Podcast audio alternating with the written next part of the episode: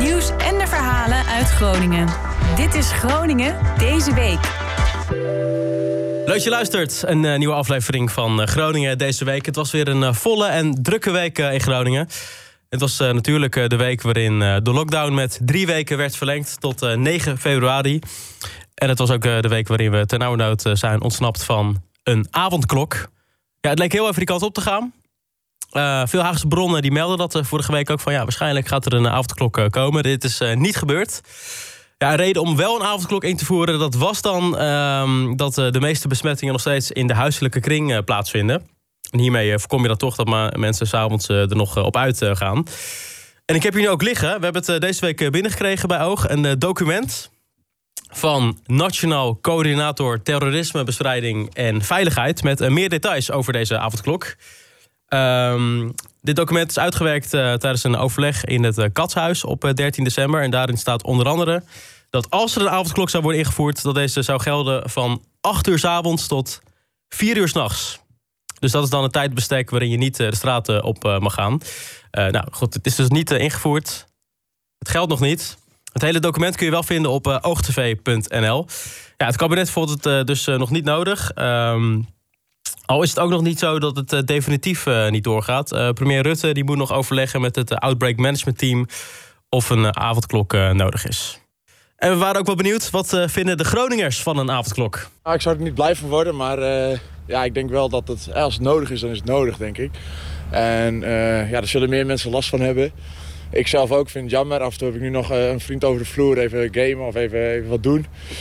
Uh, ja, dat kan dan niet meer. Ja, dat kan dan wel, maar dan krijg je een heel ander schema. Stel je voor dat hij om 10 uur is, nou, dan moet iemand om 10 uur al weg. Uh, is hij om 8 uur, dan moet iemand om 8 uur al weg. Dus ja, het zou heel vervelend zijn, maar ik begrijp, uh, ik begrijp als het moet gebeuren. Dus ik, ik zou er wel achter staan. Nou, ik snap wel dat, dat, dat misschien iets meer, dat er meer regels moeten komen nog om, om van deze crisis af te komen. Maar ik denk dat niemand er blij van wordt als hij dat zegt vanavond. Het mag best strenger. Kijk, als het een paar weken flink streng is dan ga je ervan uit dat het besmettingsgevaar eh, in ieder geval flink gedaald is. Dat mag je tenminste hopen. Ja, dat ik de hond stiekem moet uitlaten misschien. Lijkt me een beetje overdreven, eerlijk gezegd. Een beetje... Uh, en ik loop alleen op dinsdag overdag, dus ik zou er niet zoveel last van hebben. In ieder geval dat je het recht hebt om naar een park te kunnen. Dat je met je hond uh, wel even naar buiten kan. Ik denk dat het al lastig genoeg is voor, voor mensen om thuis te blijven. Als je dan ook nog een hond hebt die de hele dag binnen zit, die wordt er ook niet gelukkig van. 10 uur dan valt het nog wel mee, maar 8 uur... Ja, misschien wel een uitzondering. En een uh, hoop scholen in Groningen die balen dat de scholen nog niet open kunnen. De scholen die moeten nog zeker uh, twee weken dicht blijven. Het kabinet hoopt dat de basisscholen en de kinderopvang op uh, 25 januari weer open kunnen. En dat is dus nog wel voor het einde van de lockdown. En of dit echt kan, dat hangt af van uh, in hoeverre kinderen vatbaar zijn... voor de Britse variant van het uh, coronavirus. Dat wordt uh, nu op dit moment onderzocht. En we spraken Wieke Zondervan. Dat is de directeur van basisschool IKC Groenewij in Meerstad. Veiligheid gaat boven alles. Dus dat is nu heel erg belangrijk. En vervolgens kijken hoe we het op kunnen lossen binnen de scholen. Ik heb niet alleen deze school, maar ik ben ook directeur van OBS de Driebond in Engelbert.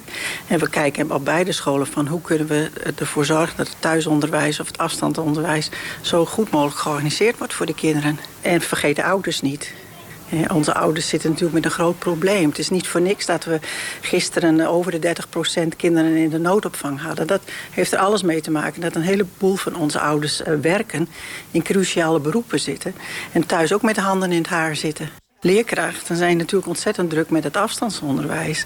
Nou, kinderen die in een noodopvang zitten, die proberen we hier zoveel mogelijk hun programma af te laten werken.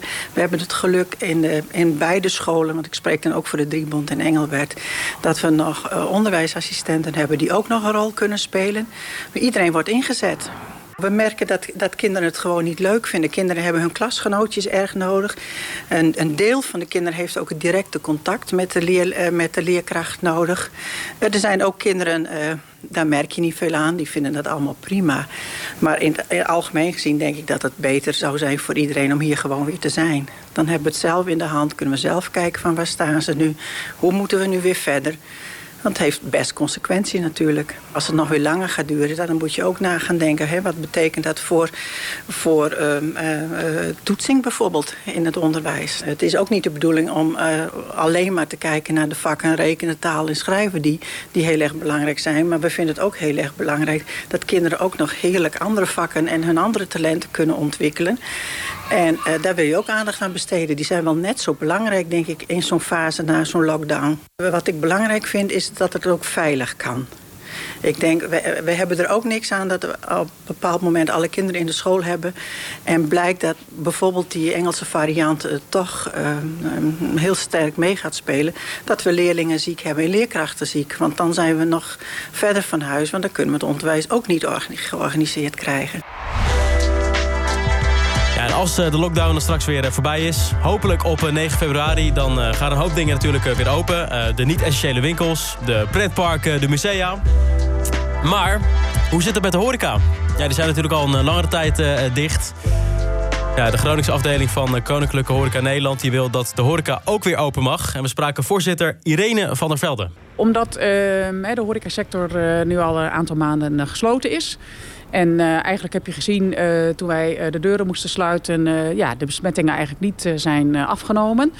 En de horecaondernemers hebben eigenlijk ook wel laten zien dat ze op een verantwoorde manier, met de juiste maatregelen, op een veilige manier open kunnen. Dus dat is de reden dat wij vinden dat onze sector ook open moet kunnen. Want dat kan gewoon. En dat hebben de ondernemers ook laten zien. Dus dat vinden we wel zo fair en ook wel zo eerlijk ten opzichte van de andere sectoren. Je ziet de behoefte bij de mensen is er gewoon.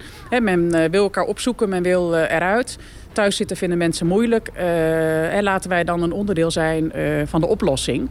En niet een onderdeel van het probleem. Echt faillissementen worden nog niet uitgesproken. Omdat natuurlijk uh, veel, zoals de Belastingdienst, schort natuurlijk betalingen op. Hè, geen kwijtschelding, dus opschorten.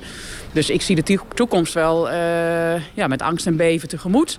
Dus veel ondernemers zijn ook wel technisch failliet. Dus, ja, hè, dus men hoopt op een wonder. Maar uh, ja, het ziet er gewoon niet oké uit. En veel ondernemers hebben het gewoon ontzettend zwaar. Eigenlijk kun je twee kanten benaderen. Aan de ene kant uh, hoop je natuurlijk dat het vaccinatieprogramma aanslaat. Hè, dat dat mogelijkheden biedt. dat de gezondheid de goede kant op gaat. Waardoor er versoepelingen mogelijk zijn. waardoor de horeca dus versoepelingen kan krijgen. Anderzijds heb je natuurlijk de steunmaatregelen. Dus de financiële compensatie vanuit de overheid. en daar pleiten we nog steeds wel heel erg voor 100% dicht, 100% vergoeding. En uh, nou ja, ik vind dat daar de, overheid wat tekort schiet nog steeds. Dus uh, ja, en dat is wel echt noodzakelijk. Want anders hebben we straks een binnenstad uh, met veel leegstand, weinig bruisende ondernemers. En dat wil je gewoon niet willen als toekomst. En zeker niet in Groningen, wat altijd een hele bruisende studentenstad is.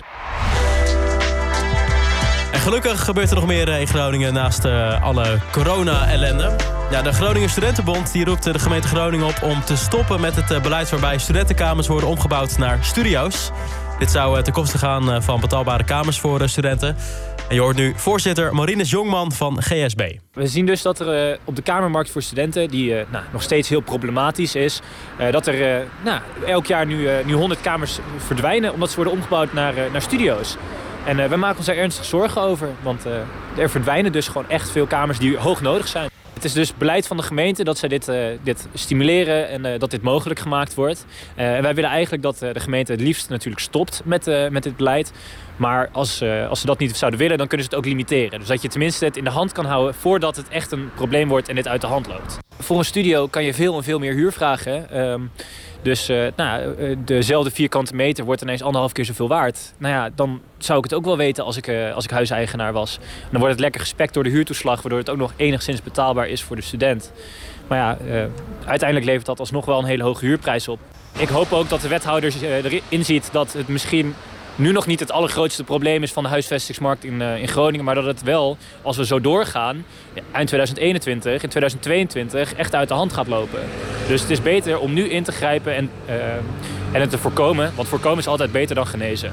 En tot zover ook eh, deze aflevering van Groningen deze week. Abonneer je op deze podcast via je podcast-app. Je kan volgen op Spotify. Dan zijn we er vanzelf volgende week weer. En ondertussen vind je natuurlijk de hele week lang het laatste nieuws op oogtv.nl. Dankjewel voor het luisteren en tot volgende week.